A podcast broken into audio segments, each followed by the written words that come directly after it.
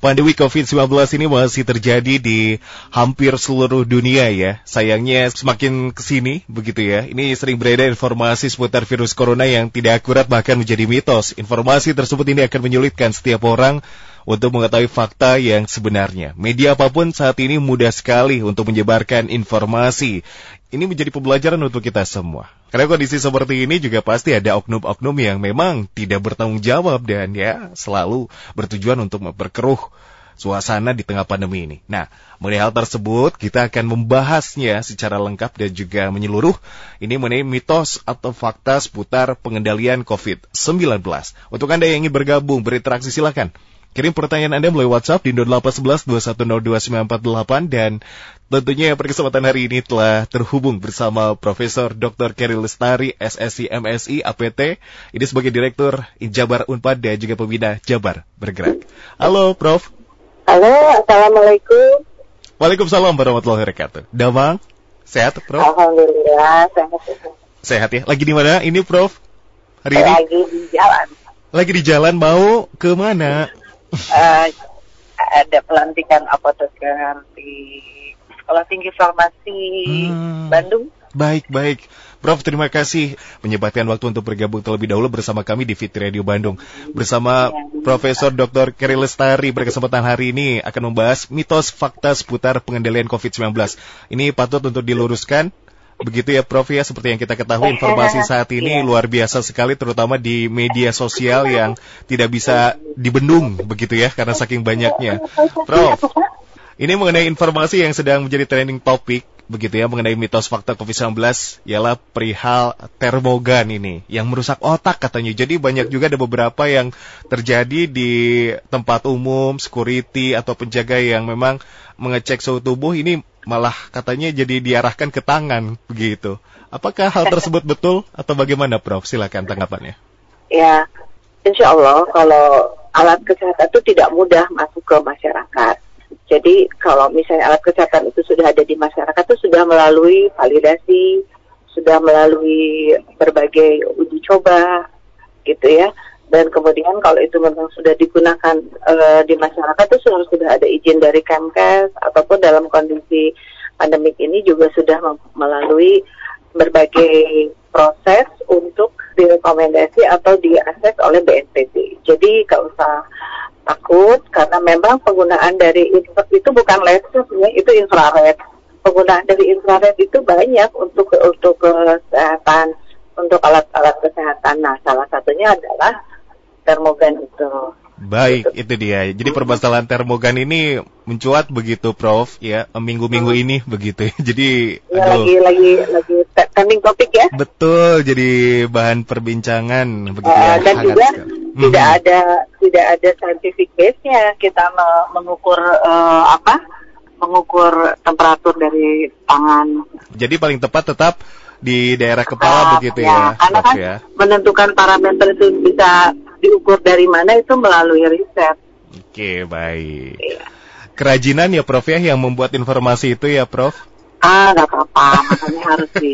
diluruskan ya, Prof ya. ya. Baik, itu dia yang pertama mitos fakta seputar pengendalian COVID-19 saat ini mengenai termogan. Selanjutnya, apakah antibiotik ini efektif dalam mencegah dan mengobati coronavirus baru ini, Prof? Silakan. Jadi antibiotik itu adalah untuk mikroba. Sementara corona atau atau COVID-19 ini adalah disebabkan oleh coronavirus. Jadi obatnya ya harus dengan antivirus bagaimana dengan adanya antibiotik itu antibiotik memang digunakan untuk mengatasi infeksi yang memang disebabkan oleh mikroba jika ada dalam bentuk komorbid atau mm -hmm. dalam bentuk mhm. penyakit penyerta. Jadi penggunaan antibiotik, penggunaan antivirus itu harus dikonsultasikan juga dengan dokter. Jadi jangan dikira-kira sendiri karena penggunaan antibiotik dan antivirus ini perlu dipilih yang pas sehingga tidak memberikan efek samping yang tidak diharapkan dan bahkan juga memberikan kemanfaatan yang baik untuk pasien uh, COVID-19 tersebut. Hmm. Begitu, Kak Reza. Baik, Prof. Terima kasih. Selanjutnya, apakah mengkonsumsi bawang putih ini dapat membantu mencegah infeksi COVID-19? Ya, bawang putih ini adalah makanan yang sehat. Jadi merupakan nutrasital atau makanan fungsional. Sehingga kita juga biasa menggunakan bawang putih untuk kesehatan selama ini. Karena selain itu juga mempunyai efek untuk uh, antimikroba berdasarkan beberapa hasil riset. Namun uh, riset yang menyatakan bahwa bawang putih ini dapat melindungi kita terhadap COVID-19 perlu dibuktikan lebih lanjut gitu. Jadi riset-riset ke arah COVID-19 terkait dengan bawang putih ini belum ada yang memang granted atau yang yang memang dikatakanlah terfokus untuk COVID-19. Jadi penggunaan dari bawang putih untuk uh, mencegah infeksi COVID-19 ini perlu dibuktikan kembali secara uji klinik maupun mm-hmm. uji klinis, gitu Kang. Oke baik, Prof. Terima kasih. Apakah hanya orang tua saja yang memiliki potensi resiko untuk tertular COVID-19 lebih tinggi dibandingkan dengan golongan lainnya, Prof? Ya, sebetulnya semua usia juga mempunyai resiko yang sama kalau tidak disiplin terhadap protokol kesehatan. Walaupun memang orang yang lebih tua ini mempunyai kondisi medis yang lebih rentan. Apalagi kalau orang tua biasanya kan diikuti oleh adanya penyakit-penyakit penyerta, misalkan sudah ada penyakit degeneratif, ada yang diabetes, ada yang jantung dan sebagainya. Sehingga memang lebih rentan jika terkena infeksi akan menjadi lebih parah. Itu yang menjadi perhatian, makanya kenapa orang tua lebih dilindungi untuk tidak berada di kerumunan supaya mengurangi risiko terpapar dari SARS-CoV-2 penyebab COVID-19. Baik, Kita. jadi semuanya tetap beresiko ya Prof ya? Ya, tetap beresiko, tetap harus disiplin semua betul, gitu betul. ya. Namun memang orang tua ini juga kenapa di, lebih diperhatikan karena memang tadi ya, karena biasanya orang tua ini punya penyakit penyerta yang bisa menambah keparahan jika memang terkena infeksi tersebut dibanding dengan mereka yang tidak ada penyakit penyerta atau tidak ada komorbid. Baik, itu dia fit listeners informasi hmm. mengenai resiko dari uh, rentang usia ya. Ternyata semua ini beresiko. Selanjutnya, Prof, hmm. apakah membilas hidung dengan salin atau salinnya maaf kalau misalkan saya salah penyebutan, ini membantu mencegah infeksi coronavirus baru ini, Prof? Uh, belum ada bukti yang kuat. Mm -hmm. Selama ini bukti terbatas hanya menunjukkan bahwa mencuci hidung dengan salin atau dengan garam secara teratur mm -hmm. ini dapat membantu uh, pulih lebih cepat dari flu. Mm. Nah, namun untuk COVID-19 ini uh, perlu dibuktikan lebih lanjut. Baik. Berikutnya, apakah vaksin pneumonia ini melindungi dari COVID-19? Nah, ini ada vaksin flu, vaksin pneumonia katanya ya, bisa melindungi dari uh, COVID-19. Insya Allah UNPAD bersama Bio Farma saat ini kan sedang meriset untuk vaksin yang spesifik terhadap COVID-19. Pada dasarnya, vaksin itu dibuat secara spesifik untuk penyakit tertentu. Jadi, jadi vaksin pneumonia atau uh, vaksin uh, flu itu sebetulnya hanya untuk mencegah dari pneumonia atau vaksin, eh, mencegah dari pneumonia atau flu yang disebabkan oleh virus lain selain COVID-19. Sehingga untuk melindungi melindungi dari SARS-CoV-2 penyebab COVID-19 tentu harus menggunakan vaksin yang spesifik. Insya Allah masih dalam tahap riset ya. Semoga saja Januari 2021 sudah bisa dipersembahkan untuk masyarakat semua. Amin, amin, amin. amin. Harapan kita semua ya Prof ya. Mudah-mudahan ya, juga berjalan ya. dengan lancar terus ya. uji uji dan lain sebagainya supaya nanti hmm. bisa diproduksi secara massal ya Prof hmm. ya. Baik. Amin ya. Berikutnya, mitos fakta seputar COVID-19, apakah lampu ultraviolet ini dapat digunakan untuk mendisinfeksi tangan ataupun area lain pada kulit untuk pencegahan COVID ini, Prof? Ya, saya memang melihat di beberapa uh, hotel ataupun juga di beberapa tempat komersial menggunakan UV sebelum kita masuk gitu ya. Betulnya itu tidak ada bukti yang menyatakan bahwa UV ini dapat digunakan untuk mendesinfeksi tangan atau area lain pada kulit untuk mencegah COVID-19. Bahkan radiasi UV ini dapat menyebabkan iritasi kulit dan kalau misalkan kena mata bisa merusak mata gitu ya. Sehingga tetap saja yang paling efektif untuk mendesinfeksi itu adalah cuci tangan dengan sabun dan air mengalir selama sekarang sih WHO bilangnya 40 sampai 60 detik loh Kang. Kalau dulu kan 20 detik ya. Mm-hmm, Tapi mm-hmm. yang terbaru dari WHO mencuci tangan dengan air mengalir selama 40 sampai 60 detik. Juga kalau misalkan uh, tidak bisa mencuci tangan dengan air dan sabun, maka kita bisa mencuci tangan dengan alkohol yang ber atau mencuci tangan dengan uh, hand, hand sanitizer mm -hmm, yang berbasis mm -hmm. alkohol minimal 60%. Baik, ya itu dia. Selanjutnya apakah COVID-19 ini dapat ditularkan melalui gigitan nyamuk, Prof? Waduh, ini ada info lucu juga ya. seperti mungkin inspirasinya seperti DBD mungkin ya. Iya, iya, iya. Jadi uh, SARS-CoV-2 ini atau ya virus penyebab COVID-19 ini belum ada informasi atau bukti yang menunjukkan bahwa bisa ditularkan dengan nyamuk. Yang pasti malah ditularkannya adalah dengan droplet tadi ya, walaupun sekarang katanya sudah mulai ada juga uh, aerosol dan nano droplet. Sehingga yang di yang di perlu diwaspadai adalah bukan nyamuk, tapi tentu saja batuk atau bersin dari mereka yang positif mengidap COVID-19 tersebut. Karena batuk dan bersin ini mempunyai potensi untuk menyebarkan virusnya melalui droplet tadi. Sehingga sekarang ini gerakannya kan semua menggunakan masker supaya menghindari uh, tadi menghindari penularan dan juga menghindari dari tersebarnya droplet tersebut ke udara. Jadi kan memang ada nih para masyarakat yang menolak menggunakan masker gitu ya. E, nggak e, apa-apa kalau menolak menggunakan masker asal jangan dekat-dekat dengan orang lain gitu. Kalau dia memang berdekatan atau berhubungan dengan orang lain, mm -hmm. Ya intinya adalah kalaupun tidak mempercayai adanya uh, penularan COVID-19 melalui droplet, tapi minimal juga tidak memberikan resiko kepada orang lain gitu. Baik, selanjutnya Prof. Nah ini, apakah berjemur di bawah sinar matahari dapat mencegah COVID-19? Sebetulnya bukan dampak langsung. Jadi intinya begini, bahwa berjemur di bawah sinar matahari ini bukan secara serta-merta mencegah COVID-19. Tetap aja walaupun kita berjumpa di bawah sinar matahari, kalau ketemu orang lain mah tetap aja harus pakai masker, kemudian juga tetap menjaga kebersihan tangan, dan juga menjaga nutrisi. Nah, itu adalah untuk mencegah yang secara langsung. Namun, berjemur di bawah sinar matahari ini dapat membantu kita untuk mendapatkan e, imunitas yang lebih baik. Karena vitamin vitamin di dalam tubuh bisa ter, ter apa terserap dengan baik jika jika memang di, disimulasi oleh adanya sinar UVB dari sinar matahari. Sehingga memang bersinergi tetapi tidak secara langsung mencegah. Gitu Kang.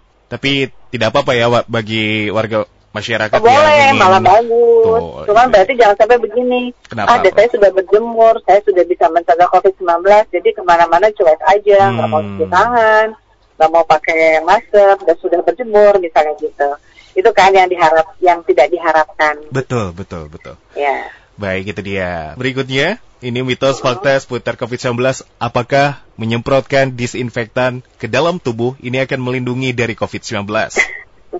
Ya, ini juga nih Kang menjadi satu perhatian karena juga hmm, kenapa, ada beberapa tempat dan bahkan fasilitas pemerintahan yang menggunakan kayak semacam uh, klimatik apa ya kayak kayak semacam desinfektan chamber sebelum masuk ke ruangan ya sebetulnya itu tidak secara efektif mencegah atau juga melindungi terhadap COVID-19.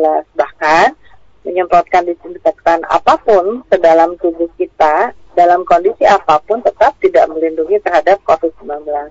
Malah zat disinfektan itu kan zat disinfektan itu kan sifatnya adalah racun. E, jika terhirup atau tertular dalam jang, dalam jangka waktu yang sering tentu akan menimbulkan juga masalah terhadap kesehatan kita minimal mengiritasi dan menyebabkan kerusakan atau gangguan pada kulit dan mata. Sehingga hati-hati menggunakan desinfektan ini cukup untuk mendesinfeksi dari permukaan mebel atau permukaan ruangan saja kayak lantai dan sebagainya gitu.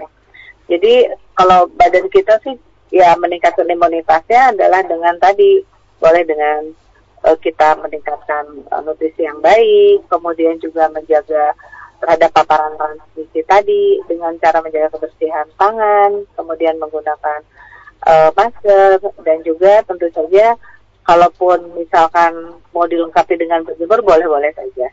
Tapi tetap protokol kesehatan itu harus dilakukan secara disiplin di mana pun kita berada jika berada di luar rumah. Gitu, Baik, yang. itu dia. Selanjutnya, apakah ibu dengan COVID-19 tidak boleh menyusui bayinya, Prof? Ah, ini nih ya. Sebetulnya WHO menyatakan bahwa wanita dengan COVID-19 ini dapat menyusui bayi karena kalau mereka mau ya, karena e, belum ada e, bukti yang memang kuat yang menyatakan bahwa virus COVID-19 ini ditularkan melalui air susu itu. Sehingga yang harus dilakukan adalah boleh lanjut menyusui tetapi menggunakan pelindung supaya tidak menulari kepada anaknya. Nah, pelindungnya apa? Pelindungnya tetap untuk e, mencegah droplet yang keluar dari bersin dan batuknya itu terhirup oleh anaknya. Jadi sebetulnya kalau lewat ASI mah enggak, gitu. tapi tetap lewat droplet uh, penularan atau transmisinya, mm-hmm, gitu kan? Baik baik, ya itu dia kurang lebih penjelasannya. Dan mitos hmm. fakta lainnya adalah, nah ini apakah ibu hamil dengan yang uh, terkonfirmasi positif ini akan menularkan kepada janinnya, Prof? Uh, sama seperti yang tadi Ibu menyusui, jadi WHO menyatakan bahwa belum ada bukti yang kuat yang menyatakan dari seorang ibu dapat menulari bayinya melalui plasenta ya. Sehingga kalaupun misalkan melahirkan tapi dengan uh, protokol kesehatan yang disiplin insya Allah tidak terjadi penularan terhadap bayi karena penularan itu tetap melalui droplet. Jadi kalaupun mengurus bayi ibu-ibu yang sedang positif masih bisa mengurusnya tetapi yang lihat yang dihindari adalah bagaimana supaya tidak terjadi transmisi melalui droplet, droplet. Jadi seorang ibu harus betul-betul uh, menjaga kesehatannya karena apa karena karena seorang ibu kan harus mengurus anak untuk uh, apa kelangsungan dan juga untuk kesehatan anak-anaknya. Nah caranya adalah tetap katakanlah di apa dicurigai mempunyai atau dia sebagai ODP dan sebagainya tetap menjaga supaya dropletnya ini yang tidak terkena gitu. Karena secara secara ilmiah penularan melalui plasenta dan air susu ibu tidak tidak ada bukti ilmiahnya atau belum belum mendapatkan laporan terhadap terjadinya resiko tersebut. Baik, gitu. itu penjelasannya Prof ya. Ternyata banyak ya, ya mitos, fakta ataupun ya, mungkin ya, pemahaman pandangan-pandangan yang hmm. berkaitan dengan COVID-19 ini. Begitu ya, ya Prof ya.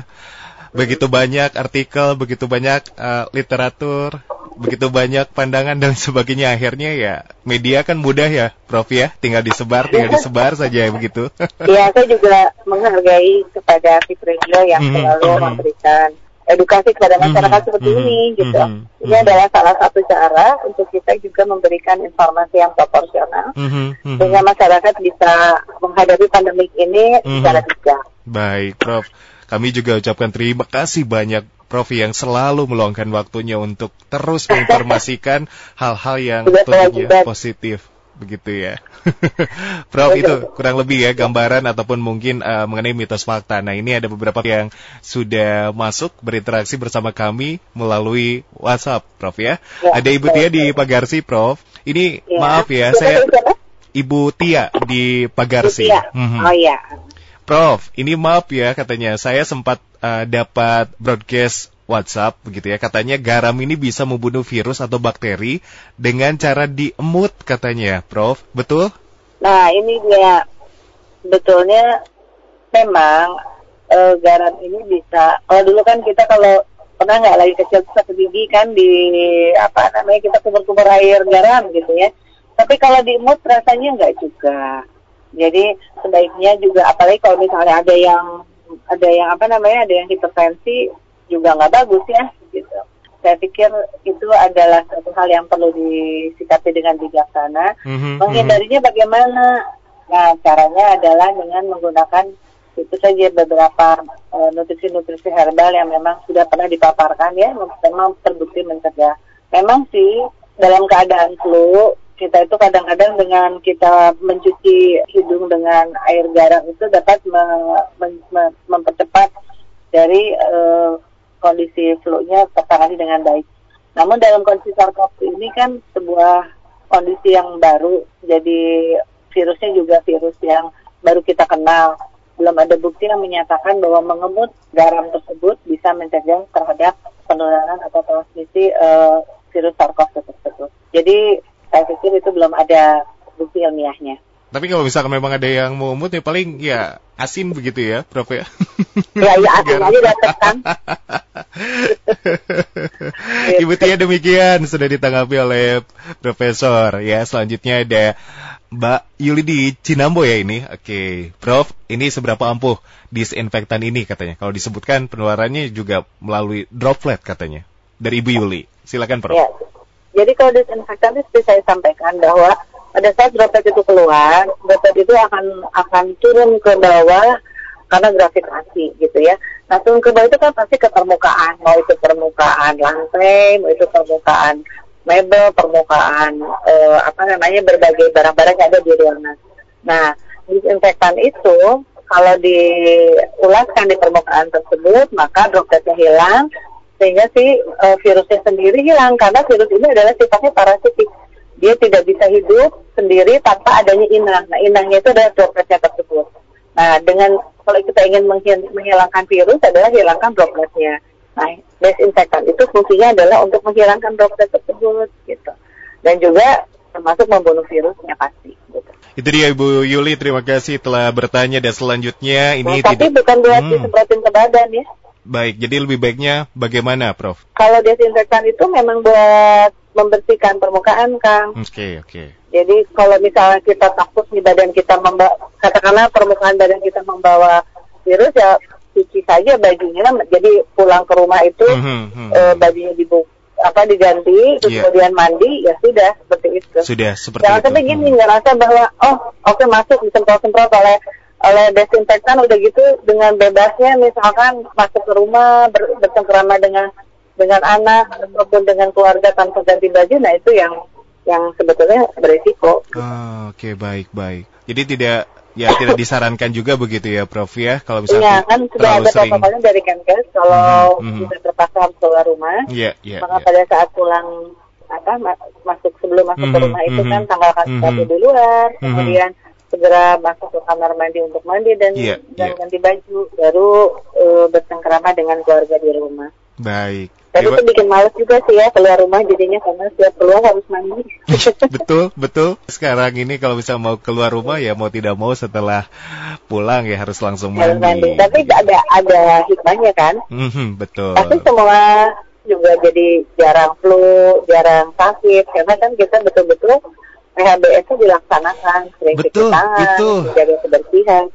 Itu hikmahnya itu. Itu yang saya dapatkan, Prof Iya. Iya betul. Iya saat ini bertugas siaran tapi ya alhamdulillahnya tidak mudah sakit. Sebelum yeah, sebelum gitu. pandemi mah mes-mes salesma gitu. Bro. Uh, kan biasanya mah mes salesma, mes batuk gitu kan. Iya iya iya iya iya. Nah, kalau sekarang mah malah selama empat bulan ini rasanya kita jarang jarang ada gangguan-gangguan sakit ringan hmm. gitu kan. Mudah-mudahan ya ini sehat selalu semuanya. Amin, amin. Assalamualaikum, waalaikumsalam. Ada Teh Noi. Nah ini Teh Noi katanya. Oh, Teh Noi, apa kabar Teh Noi? Nanya katanya, Prof, lemon juga dikonsumsi bisa jadi pencegah COVID katanya betul? Itu. Iya, itu sih betul. Karena uh, kan dia mengandung vitamin C yang tinggi Mm-hmm. Vitamin C tinggi ini adalah antioksidan, mm-hmm. sehingga antioksidan ini akan mempengaruhi terhadap regulasi dari sistem imun kita. Yeah, yeah. Oleh karena itu, mengkonsumsi lemon seperti itu juga punya manfaat untuk meningkatkan daya tahan tubuh. Tapi tetap kalau keluar mah harus mentaati uh, protokol kesehatan. Oke, gitu ya. baik. Nah ini kalau misalkan mau mengkonsumsi lemon ini sebaiknya bagaimana? Ada tipsnya, Prof? Uh, jadi gini, kalau mereka yang tidak uh, ada gangguan dengan lambung bisa bebas kapan aja.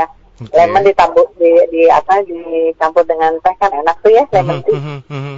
Nah, atau kalau misalnya nah masalahnya kalau ada yang punya masalah dengan lambung ya dikonsumsinya sudah matang. Hmm, betul, betul, Untuk mengurangi resiko terjadinya apa namanya uh, gangguan pada lambung dengan meningkatnya asam lambung karena mm-hmm, tadi kadar mm-hmm. vitamin C-nya kan sangat tinggi. Oke okay, baik. Ya kalau kuat boleh digayam sendiri begitu ya, Prof? Iya. Diper sendiri juga nggak masalah ya kalau kuat. kalau kuat memang enggak. Baik, Tenoy mengucapkan terima kasih katanya ya. Terima kasih salam untuk Prof. Kerry. Baik, terima kasih Tenoy. Salam juga Tenoy, salam sehat. Hmm, luar biasa ini mah katanya geng kayaknya ini sama Prof ini mah sama Tenoy. Prof lanjut ya. Ini ada yang nanya tapi tidak memberikan nama dari 0812 11 sekian sekian. Prof, kabar sekarang lebih menyeramkan terkait penyebarannya melalui aerosol katanya. Tanggapannya Prof? Ya, kayak begini. Kalau aerosol itu biasanya terjadi di tempat-tempat eh, apa namanya perawatan dari pasien COVID-19 itu biasanya pada area yang pasien yang menggunakan ventilator ataupun juga menggunakan ambubeg gitu ya karena kan di situ mereka bernafas kemudian ada ada semacam satu mekanisme yang menghasilkan aerosol seperti itu. Tapi kalau misalkan di area-area publik yang ada, memang eh, resiko aerosol ini ada, namun sangat sedikit. Karena kan tentu saja kalau di, area-area publik ini kan semua juga menggunakan masker. Mm -hmm. Berbeda dengan mereka yang di tempat perawatan kan si pasiennya nggak menggunakan masker. Mereka malah menggunakan ventilator. Mm. Dan dan itu menyebabkan tadi area aerosolnya terdispersi atau tertransmisikan di berada di sekitar tempat perawatan tersebut. Namun kalau perawat yang ada ataupun juga dokter yang sekitar itu kan mereka menggunakan APD lengkap untuk melindungi dirinya gitu. Nah sehingga uh, sebetulnya resiko dari aerosol ini memang perlu diwaspadai. Tapi untuk uh, kita yang berada di area publik itu memang resiko aerosol itu tidak terlalu tinggi. Tetap menggunakan masker itu adalah suatu hal yang uh, utama dan saat ini memang penggunaan penggunaan masker itu sesuai disampaikan oleh info terbaru dari WHO, WHO itu harus tiga layer ya. Mm-hmm. Dan kalau menggunakan masker kain itu boleh saja tapi setiap empat jam sekali diganti. Jadi kalau jam, ya. kalau nggak pakai masker kain bawa bekal selama empat jam super. Bawa stok begitu ya? Prof ya, yeah. jadi biar nanti bisa diganti langsung setelah 4 jam pemakaian. Baik, yeah. ini Pak Ade di Sindang Sari menanggapi langsung tadi pembahasan yang kalau misalkan keluar rumah harus mandi ketika pulang begitu ya. Nah, Prof, sebenarnya ini berapa lama virus ini bisa bertahan baik di kulit, pakaian atau mungkin benda, benda lain seperti kendaraan dan lain sebagainya. Sehingga kita harus terus menjaga kebersihan itu sendiri, Prof. Ya memang ada beberapa riset yang menyatakan katakanlah bertahan selama 8 jam di permukaan dan dan juga tergantung dari karakter permukaannya. Cuman kalau menurut saya sih itu itu bertahan sekian jam itu kalau nggak dibersihkan dropletnya, Kang. Jadi e, kalau misalkan kita menjaga kebersihan mah e, tentu saja dengan serta merta virusnya apa segera hilang. Itu bertahan di permukaan seperti itu sekian jam sekian jam itu kalau dia tidak tidak terkena e, disinfektan tersebut. Nah untuk ibu-ibu di rumah juga sama. Kan kadang-kadang uh, ingin mendisinfektan itu manggil panggil petugas. Boleh aja sih panggil petugas kalau misalnya dananya memadai tapi pun kalau enggak itu sebetulnya virus tersebut juga hilang dengan dengan air sabun gitu ya. Jadi seperti yang kita cipakan jadi dibersihkan saja. Tempat yang memang sering terpapar oleh orang banyak yang lewat atau orang banyak yang yang berhubungan dengan kita dengan dengan tadi dengan dibersihkan dari dropletnya sehingga resiko dari adanya uh, virus COVID-19 ini dapat dieliminasi. Baik, Profesor Kerry, terima kasih. yang paling hmm. penting apa, kan, Prof? Apa? Uh, Reza adalah mm -hmm. menjaga kita selalu berpikiran positif, mm -hmm. kemudian kita juga selalu optimis, tidak terlalu takut berlebihan, tetapi tetap disiplin dan waspada. Karena pemikiran optimis itu dengan serta-merta ada sebuah teori yang menyatakan akan mengaktifkan dan juga hormon endorfin dalam tubuh kita sehingga kita merasa lebih lebih nyaman dan dengan merasa lebih nyaman itu metabolisme berjalan dengan dengan optimal dan maka daya tahan tubuh juga dapat berjalan dengan optimal untuk melindungi tubuh kita. Jadi tidak perlu takut berlebihan, tetap optimis dan selalu menjaga kebersihan dan disiplin dengan protokol kesehatan di mana pun kita berada. Itu dia kuncinya telah disampaikan oleh Profesor Dr. Kerry Lestari. Prof, terima kasih telah menanggapi interaksi dari pendengar ya perkesempatan hari ini begitu ya, luar biasa sekali. Prof, terakhir ya penutup ya closing statement yang ingin disampaikan, mangga Prof. Ya, intinya kalau listener mendapatkan sebuah informasi, silakan untuk mengkonfirmasi informasi tersebut dari sumbernya. Jadi salah satu ciri dari informasi hoax itu jika broadcast itu dikirimkan tanpa mengetahui siapa pengirimnya gitu. Hmm. Tanpa tanpa mengetahui siapa sumbernya. Jadi kalau ada broadcast atau informasi yang tidak jelas siapa sumbernya, lebih baik tidak usah disebarkan karena belum tentu keabsahannya bisa dijamin. Karena kita tidak bisa ngetres sumbernya dari mana, itu aja. Jadi intinya e, mari perkuat rasa optimis kita, hindari berbagai informasi yang misleading atau menyebabkan juga kita dapat bertindak tidak sesuai dengan yang diharapkan. Dengarkan atau ikuti protokol kesehatan yang sudah disampaikan oleh gugus tugas di tempatnya masing-masing. Insya Allah kita akan segera mengatasi pandemik ini dengan baik dan kita menang melawan COVID-19. Tetap semangat, salam sehat, salam tangguh.